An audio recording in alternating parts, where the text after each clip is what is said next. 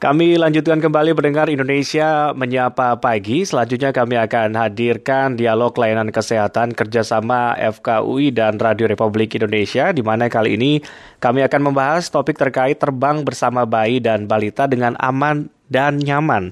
Jadi bepergian dengan bayi memang selalu menjadi hal yang menantang untuk setiap orang tua, apalagi kalau harus naik pesawat. Nah, tidak hanya soal mencukupi kebutuhan anak, namun juga tantangan lain begitu ya, ancaman masalah kesehatan juga. Hal-hal yang harus diperhatikan terkait keselamatan kesehatan bayi ketika Anda sebagai orang tua ingin mengajak uh, buah hati Anda, bayi Anda untuk ikut terbang bersama Anda, apa kira-kira yang harus diperhatikan? Saya akan ber berbincang pagi hari ini dalam dialog layanan kesehatan.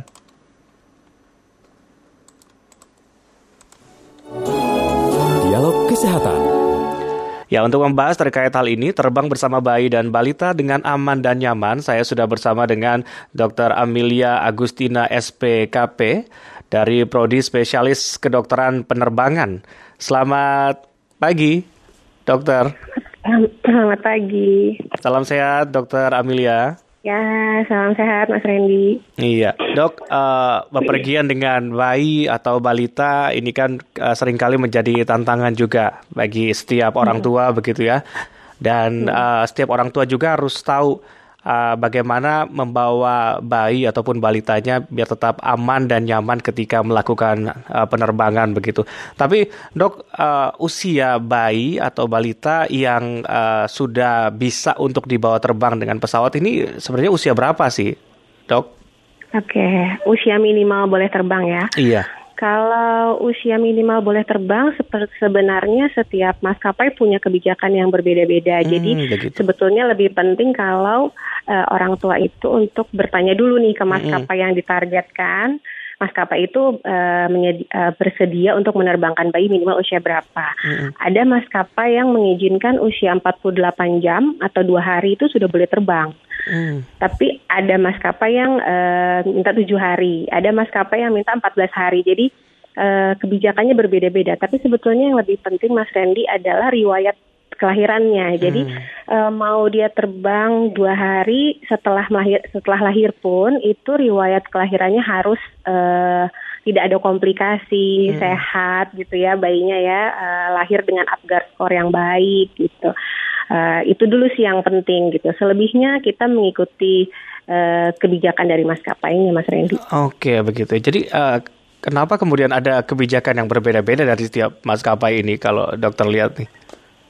Apa yang menjadi pertimbangannya um, begitu? Iya, sebetulnya kan kalau usia yang masih eh, baru-baru uh, lahir seperti itu sangat rentan untuk menderita uh, apa mengalami infeksi ya Betul. atau tertular penyakit gitu.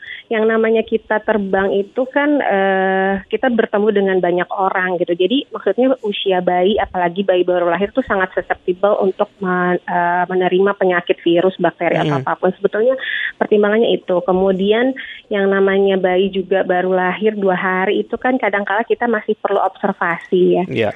Bayi aja kita kadang ada yang masih kuning, ada yang masih ada yang masih uh, perlu diobservasi lah intinya gitu. Mm. Jadi uh, sepertinya maskapai itu punya kebijakan yang berbeda-beda untuk memastikan uh, selama perjalanan itu memang uh, bayinya aman-aman aja gitu ditambah yang namanya di dalam pesawat itu tekanan udaranya turun gitu terus mm. kemudian suhunya juga turun itu semua kalau bagi kita yang dewasa mungkin nggak terlalu banyak berdampak, mm-hmm. tapi untuk bayi itu uh, dampaknya cukup besar. Jadi uh, saya sendiri pun tidak merekomendasikan ya yang namanya baru lahir terus uh, udah diajak perjalanan udara. Mungkin kita bisa mm-hmm. tunggu uh, sekian lama dulu, yakin bayinya sehat. Mm-hmm. Uh, kalau bisa sudah menerima uh, vaksin gitu ya, baru kita ajak uh, pergi gitu. Tapi ya itu setiap maskapai punya kebijakannya nah, kebijakan yang berbeda-beda. Mm -mm. Ya, ini uh, saya sering lihat tuh ya kalau ada orang tua yang terbang bersama bayi ataupun balitanya suka dipakein penutup telinga. Itu gimana oh. itu, dokter? headphone ya, dipakai iya. headphone yang besar itu ya. Mm -mm. Okay. Uh, eh, jadi betul memang kekhawatirannya kalau anak kecil bayi balita itu kan uh, apa namanya? Dia lebih mudah merasa tidak nyaman di telinganya. Coba Mas Randy kalau terbang itu kan kadang suka ngerasa telinganya uh, full gitu ya, Betul. kayak penuh gitu ya, atau misalnya ada terasa, terasa tidak nyaman lah gitu. Nah, pada bayi dan balita itu lebih eh, nggak uh, nyaman lagi gitu karena mm. uh, tuba espechiusnya jadi ada saluran kecil di penghubung telinga tengah kita mm. dengan lingkungan luar itu yang uh, sebenarnya yang menyeimbangkan tekanan udara mm -hmm. itu di bayi dan balita itu masih kecil sekali sempit dan mm -hmm. dia letaknya agak datar jadi uh, yeah. mereka sulit menyeimbangkan tekanan. Yang saya mau tekankan mm -hmm. adalah kadang orang tua tuh berpikir memakaikan headphone itu mm -hmm. gunanya untuk mencegah ketidaknyamanan telinga karena uh, perbedaan tekanan tadi. Betul. Nah itu letak salahnya di situ sebenarnya. Oh justru salah. Karena Salah karena penggunaan headphone itu bukan untuk membantu itu, bukan untuk membantu menyeimbangkan tekanan, tapi hmm. sebetulnya untuk mengurangi bising. Hmm. Gitu. Jadi hmm. dia sebetulnya fungsinya noise cancelling. Iya. Yeah. Gitu. Right. Jadi kalau di di pesawat itu kan kita uh, bisingnya terutama pada saat kita taksi mau uh, menjelang take off gitu hmm. itu kan agak berisik ya. Iya. Yeah. Uh, nah fungsinya headphone itu untuk itu karena pada telinga anak eh, yang namanya fungsi telinga itu kan amplify ya. Jadi yang udah bising di telinga anak tuh lebih tinggi lagi desibelnya. Jadi kita berusaha menguranginya dengan si penggunaan headphone. Okay. Tapi kalau masalah eh, apa telinga tidak nyaman karena perbedaan tekanan itu tidak diselesaikan dengan headphone itu, Mas Randy. Hmm. Jadi tidak diselesaikan dengan itu ya? Uh, iya betul. Dok, uh, oke, okay. dok. Uh, sebelum lanjut lagi kita jeda sejenak, dokter. Ada informasi singkat yang akan kita dengarkan okay. bersama. Mohon jangan ditutup dulu, dokter, untuk teleponnya. Oke. Okay. Baik. Kilas Berita.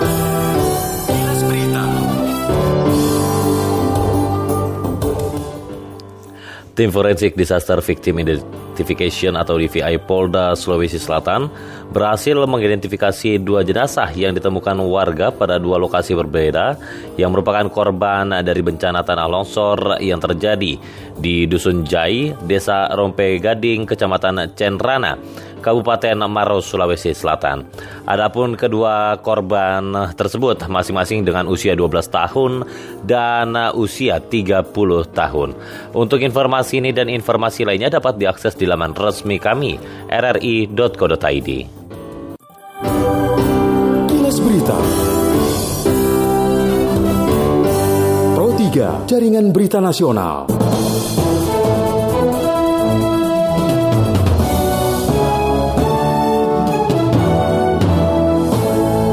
Jaringan Berita Nasional. Ya, kami lanjutkan kembali dialog, dialog layanan kesehatan kerjasama FKUI dan Radio Republik Indonesia masih membahas terkait terbang bersama bayi dan balita dengan aman dan nyaman.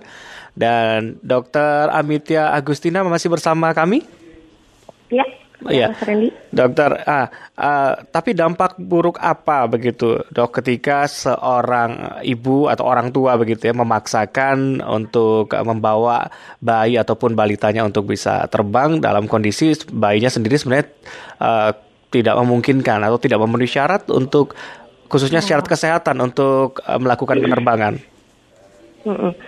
Uh, sebetulnya intinya tadi kalau misalnya bayinya sehat atau hmm. balitanya sehat, itu resiko mengalami sakit atau ketidaknyamanan itu kan sebetulnya kecil ya kalau kita terbang karena hmm. uh, saat kita terbang di ketinggian uh, pesawat itu sudah didesain supaya dia pressurized, jadi seakan-akan kita di dataran aja gitu. Jadi sebetulnya nggak apa-apa.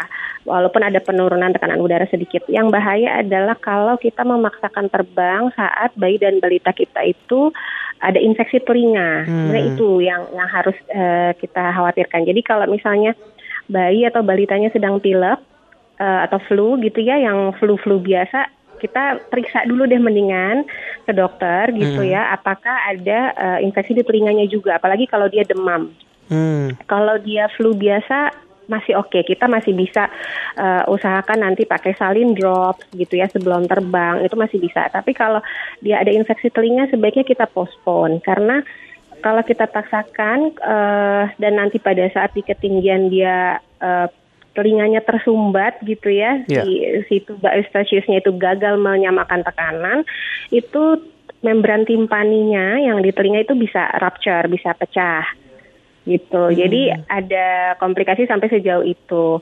Uh, meskipun jarang tapi bisa terjadi apalagi pada anak-anak tadi ya udah hmm. kondisi anatomisnya memang sudah membuat dia sulit untuk menyamakan tekanan gitu. Hmm. Jadi kalau kalau mau terbang ya pastikan dia sehat, sehat hmm. dulu. Uh, dan intinya selama dia take off dan landing itu adalah masa-masa krusial karena hmm. pada saat kita take off dan landing itu perbedaan tekanannya jadi jauh antara di dalam telinga kita dengan lingkungan. Hmm. Hmm. Nah untuk untuk menyamakannya anak-anak itu jangan ti jangan tidur, hmm. Mas Randy. Kalau tidur emang kenapa tuh? Dok. Bayinya ditidurin. Uh, soalnya kalau bayinya tidur atau balitanya tidur, dia refleks menelannya kan jadi kurang ya. Kalau -hmm. kita tidur kan kita nggak nggak aktif menelan kan, gitu. Jadi -hmm. uh, susah tuh untuk menyamakan tekanan karena caranya menyamakan tekanan itu dengan kita menelan atau kita menguap. Jadi mulutnya dibuka gitu. Jadi pada saat bayi dan balita itu take off dan landing, kalau bisa dia sedang uh, kalau bayi ya, bayi yeah. misalnya kita kasih susu atau kita susuin gitu, kita mm -hmm. kasih asi pada saat take off dan landing. Balita pun gitu. Kalau balita di atas tiga tahun biasanya udah bisa kenal uh, permen yang keras gitu. Mm -hmm. uh, ya walaupun kita uh, pastikan juga uh, jangan sampai apa tersedak ya. Tapi Ketelan. intinya sudah sudah bisa kita kasih permen, sudah bisa kita suruh minum gitu. Tapi jangan disuruh tidur. Dan kalau tidur pertama itu tadi ya refleks hmm. swallowingnya uh, jadi menurun jadi dia kemungkinan ear painnya jadi meningkat nah waktu dia tidur kebangun karena nyeri itu itu nggak enak banget hmm. mas Randy hmm. orang dewasa aja kesakitan ya gitu kan hmm. lagi tidur tiba-tiba uh, gitu sakit ya hmm. apalagi bayi dan balita itu uh, sangat tidak nyaman jadi jangan pada saat posisi mau uh, take off dan juga landing begitu ya, jangan dalam posisi sedang tidur. Tapi kalau selama penerbangan ini masih bisa tidur ya, karena kan banyak ya, orang tua yang uh, sengaja menidurkan anaknya begitu ya supaya nggak rewel sepanjang perjalanan begitu ya. Iya, betul. Apalagi kan biasanya orang tua itu pilih pesawatnya yang pesawat-pesawat di jam-jam tidur anak ya. Mm-hmm. Biasanya gitu ya supaya supaya nyaman anaknya. Uh, setuju sekali sih pada saat uh, cruising nggak apa-apa tidur, tapi pada saat take off landing kalau bisa jangan. Hmm, ya. Nah, jadi selain uh, memperhatikan kesehatan uh, sang bayi atau balita uh, ketika akan melakukan penerbangan begitu ya, antisipasi apa lagi yang uh, sebaiknya dilakukan oleh orang tua? Um, Sebetulnya kalau kita terbang bersama bayi dan balita itu yang repot sebetulnya teknis kalau menurut saya. Mm -hmm. uh, kalau di kita, uh, kalau di sisi medis pastikan anaknya sehat dan tidak ada infeksi telinga tadi ya. Mm -hmm. uh, tapi yang teknisnya yang lebih ribet. Jadi kalau saran saya uh, orang tua itu kalau mau pergi dengan anak-anaknya yang bayi dan balita itu persiapkan jauh-jauh hari. Seperti tadi uh, pastikan dulu maskapainya punya kebijakan seperti apa, lalu mm -hmm. kemudian uh, kalau anak umur 2 tahun ke atas kan udah beli kursi sendiri ya. Iya. Mas Randy. Memang tidak ada peraturan khusus untuk menggunakan child seat, tapi sebetulnya FAA merekomendasikan menggunakan child seat. Jadi kayak car seat yang kita pakai di mobil itu tuh boleh dibawa untuk dipakaikan di uh, kursi pesawat hmm. gitu. Itu juga bisa kita kita pikirkan apalagi kalau terbangnya yang jauh ya, yang long hour di atas 6 jam gitu. Mm-hmm. Uh, itu kan harus tanya maskapainya lagi kebijakannya bagaimana. Atau kalau yang mau pakai baby bassinet gitu tempat tidur bayi yang biasanya dipakai di uh, kursi-kursi yang di depan tuh yang ada extra legroomnya itu mm-hmm. kan uh, juga tidak tiap maskapai punya. Betul. Gitu. Jadi uh, itu tadi jangan last minute pesen tiket kalau saran saya nggak kayak gitu jadi harus dipikirkan sekali uh, apa namanya kebutuhan eh, kebutuhan-kebutuhan teknis yang seperti itu. Lalu kemudian liquid juga ya. Uh-huh. Uh, kalau bawa bayi balita tuh pasti bawa tentengannya banyak gitu ya. Betul. ya, bawa susu lah, bawa air. Agak ribet gitu. dikit gitu ya. agak ribet dikit ya, apalagi kalau yang MPASI gitu ya, uh-huh. pasti bawa makanan dan lain-lain.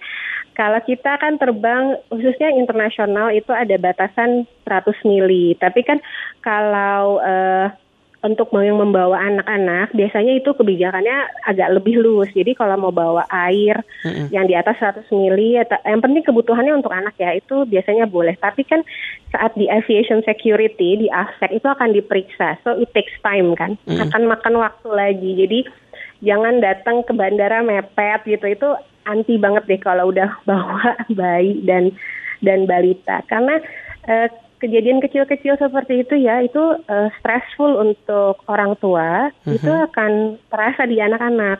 Mm-hmm. Jadi bayi dan balitanya jadi rewel tuh kadang ya karena kitanya juga mungkin stres juga dan panik karena begitu banyak yang harus kita persiapkan. Jadi kalau bisa jauh-jauh hari di hari H sudah tenang, anaknya juga sehat, ibu mm-hmm. dan bapaknya juga juga sehat gitu. Jadi uh, semuanya lebih smooth lah gitu. Kita menghindari yang namanya stres-stres saat perjalanan gitu. Hmm. Uh, kemudian um, karena pandemi ya, karena lagi pandemi ini jadi lebih lebih uh, lebih agak hati-hati lagi.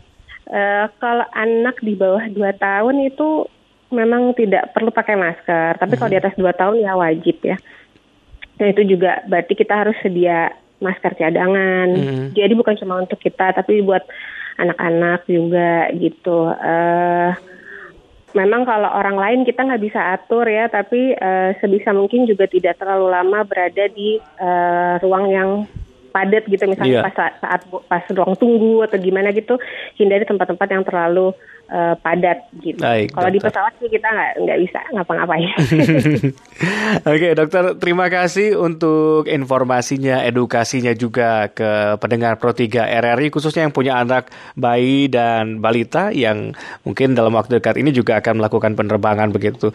Uh, semoga hal-hal yang tadi disampaikan dokter ini bisa diperhatikan begitu untuk keselamatan dan kesehatan bayi ataupun balita ya. Dok, terima kasih dokter untuk waktunya. Sama-sama. Selamat Randy. pagi.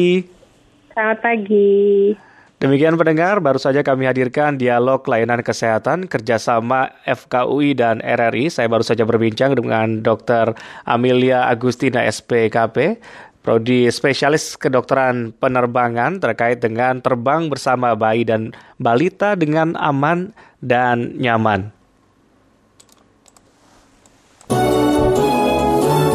Kesehatan